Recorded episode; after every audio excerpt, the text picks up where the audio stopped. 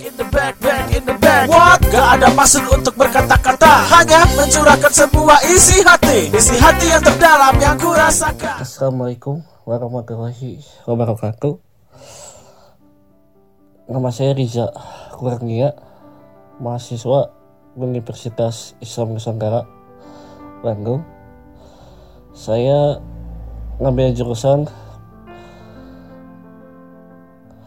hmm, Pendidikan luar biasa. Atau PRB Jadi PRB itu eh, Yang nantinya setelah lulus dari jurusan tersebut akan mengajar di SLB SLB gitu. Karena yang dibahas di PLB itu adalah tentang ke disabilitasan hambatan atau cara penanganan gitu. Oke eh, saya sekarang akan membahas tentang disabilitas untuk memenuhi syarat tugas yang diberikan oleh dosen dosen dari Makul TIK disabilitas. Apa itu disabilitas? Disabilitas adalah orang yang mempunyai kekurangan baik itu fisik maupun intelektual yang harus dibantu sehingga nantinya bisa mandiri jadi memerlukan bantuan gitu. supaya kalian bisa terarah gitu. macam-macam disabilitas yang pertama ada tunanetra disabilitas netra ada tunanetra itu orang yang mempunyai kekurangan penglihatan terus kedua ada disabilitas ungu atau disebut juga tunarungu orang yang mempunyai kekurangan dalam indera pendengaran dan pembicaraan atau artikulasi. Terus yang ke selanjutnya ada autis, orang yang eh, tidak mau bergaul, bergaul dengan orang lain atau biasanya sih ini eh, lebih suka menyendiri dan suka terhadap benda gitu biasanya. Mohon maaf nih kalau emang salah penjelasannya. Terus yang ke selanjutnya adalah eh, ada tunagrahika itu adalah kurangnya kemampuan dalam hal berpikir. Gitu jadi IQ-nya tuh di bawah 80% di bawah 70% gitu. Ada tunagrahika berat yang dikisar 20 ke bawah IQ-nya dan itu biasanya terjadi hiperaktif. Ada juga dengan grahika ringan yang bisa kita arahkan. Biasanya sih uh, disabilitas tunagrahika tersebut kelebihannya ada di keterampilan biasanya.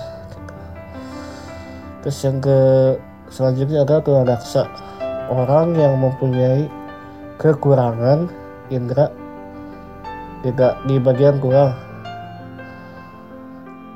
Biasanya terdapat tidak ada kekurangan tidak ada kaki ataupun tangan.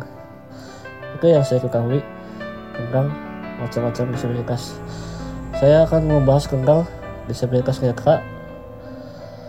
Uh, jadi di warna netra itu ada dua unsur ada low vision ataupun totally brain low vision itu adalah orang yang masih bisa melihat gitu. ada low vision dekat dan ada low vision jauh saya uh, kurang tahu untuk sentinya berapa senti yang dekat berapa senti yang jauh berapa senti gitu. Jadi uh, jangan heran jika uh, menemukan tunanetra uh, yang bisa jalannya cepet gitu. Terus uh, suka main HP tanpa membaca layar mereka jangan heran. Mungkin mereka masih uh, bisa membaca tapi tetap itu pasti terbatas gitu. Terus yang ke, uh, yang selanjutnya ada kakak Ibrahim kakak Ibrahim itu orang yang gejala dari lahir ataupun yang kena virus seperti kena kosoplasma atau katarak. Terus ada juga glaukoma atau juga ada sih eh, gejala-gejala lain seperti seperti saya gitu dari lahir. Ya mungkin itu takdirnya itu gitu. Hmm, kosoplasma itu disebabkan oleh virus kucing. Biasanya ibu sedang mengandung tiba-tiba ada kucing yang membawa virus tersebut yang mungkin ke ibunya nular dan akhirnya ke anak juga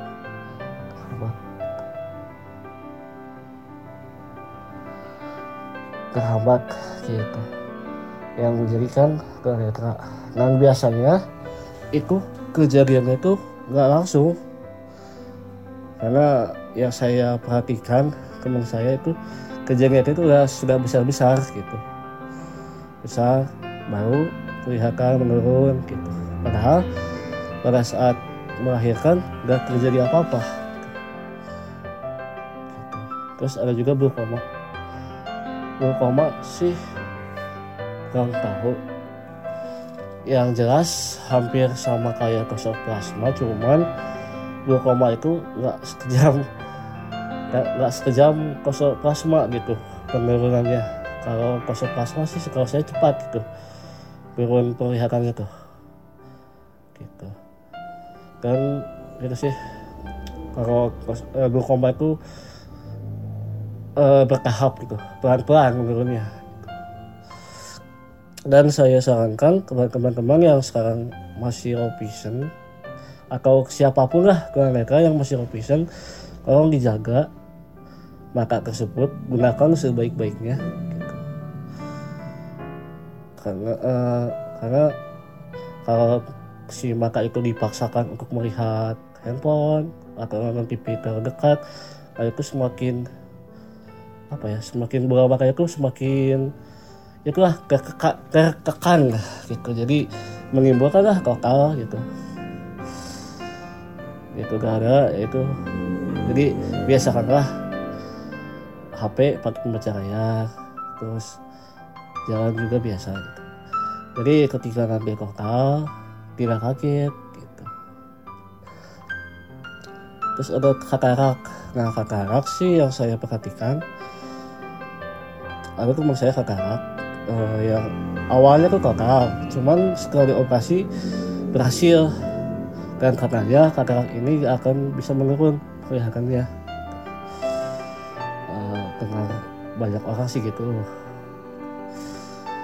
Terus yang ke selanjutnya saya akan membahas alat apa yang sering digunakan oleh kehidupan mereka. Yang pertama dari segi pendidikan uh, alat untuk menulis itu namanya regret. Dan tulisan tersebut disebut braille yang membacanya itu diraba dari kiri dari kiri kanan gitu kalau nulisnya uh, sebaliknya. Dan juga teknologi tentunya gitu karena uh, kalau alat itu lagi diperlukan bisa digantikan oleh teknologi gitu. Nah, ataupun bisa menggunakan handphone, laptop gitu. Dan semua laptop, semua HP itu bisa dipakai oleh tunanetra kalau sekarang gitu. Karena semakin ke sini semakin berkembang gitu untuk teknologi. Untuk di HP ada talkback talkback K bisa dilihat di aksesibilitas kalau di laptop itu bisa menggunakan JOS ataupun INPDA tuh terus dari segi uh, mobilitas mereka suka menggunakan tongkat tongkat sebagai mata mereka sebagai mata gitu. Gitu. karena uh, sebelum nanti jadi si tongkat itu gunanya untuk ketika ada tangga kan tahu tongkat dulu yang ngeraba gitu. Baru kita bisa uh, pelan-pelan gitu. Itu sih. Itu terus saya uh, sekarang yang selanjutnya akan membahas stigma terhadap disabilitas. Dulu pandangan disabilitas pandangan orang lain terhadap disabilitas itu menganggapnya anak cacat. Satu kedua tidak berguna. Ketiga, ketiga ya tidak berguna di masyarakat makanya ketiga anak gagal. Itu bahkan mirisnya mirisnya nih mirisnya ada teman saya yang dari kecil itu tidak diurus oleh mama sama bapaknya langsung dititipkan ke neneknya. Dengan alasan ya gitulah. Mungkin dia nggak nerima bahwa uh, mempunyai anak mereka gitu. padahal secara tidak sadar itu amanat dari Tuhan untuk dididik dan Tuhan pun tidak mungkin menciptakan makhluk manusia yang sia-sia gitu. Pasti di bawah itu ada kekurangan kelebihannya. Itu jadi harus dididik itu amanat dari Tuhan tapi ada juga ya tidak mau menerima anaknya. Dengan alasan malu lah gitu. Karena dulu tuh seorang disabilitas itu dikurung sama keluarganya. Tidak boleh main keluar dengan alasan takut ini itu terus malu dan sebagainya. Dan akhirnya dikurung lah di rumah. Gitu. Dan seiring uh, itu seiring zaman lahirlah undang-undang disabilitas nomor 8 tahun 2016 dan undang-undang penyandang cacat KU 97 itu bukan berlaku dinilai tidak baik. Dan kenapa sih harus muncul undang-undang tersebut nomor 8 tahun 2016 karena anak disabilitas itu adalah anak warga Indonesia yang harus di,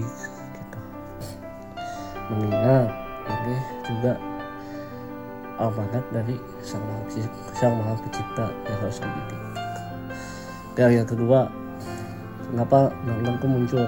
Karena masih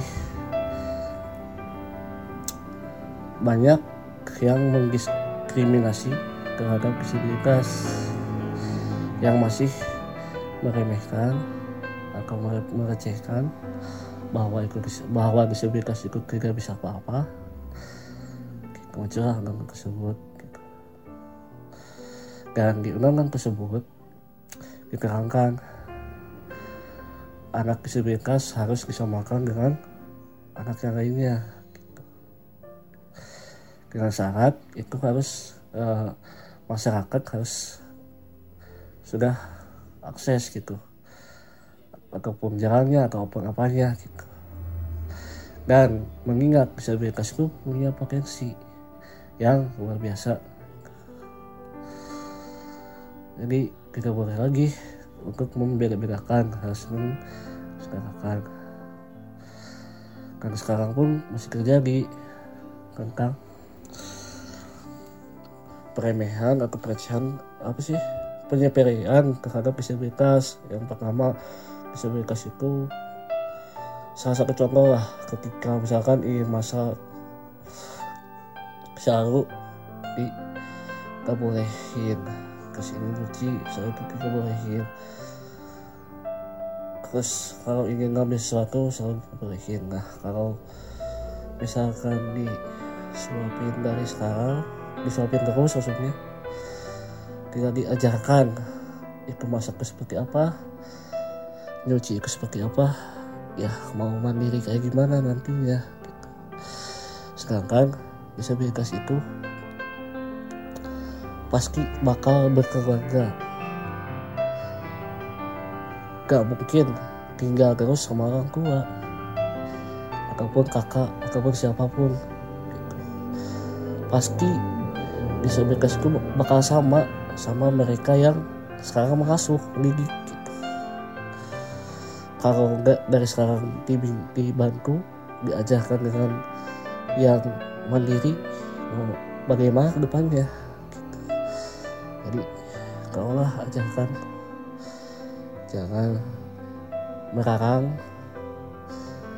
disabilitas itu mau ngapain jangan kasih kesempatan buat mereka dia gitu.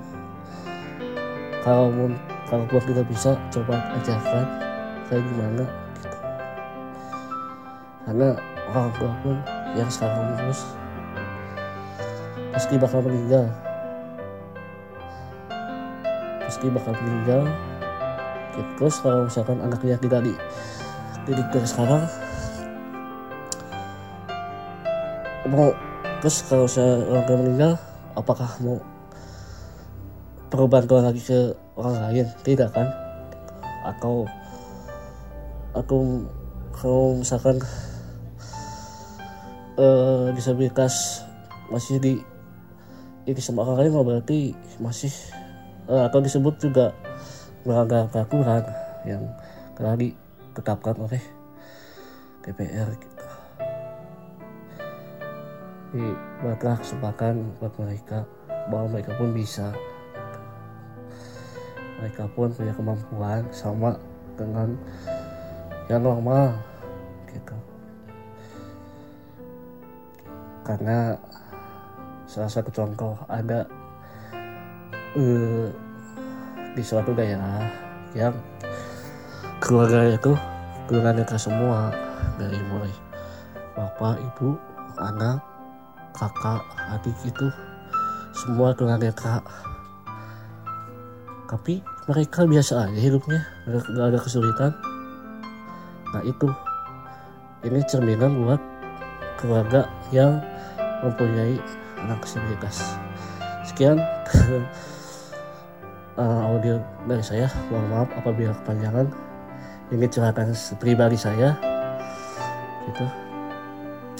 Sekian jika ada pertanyaan atau mungkin saran boleh disampaikan melalui kontak di bawah ini.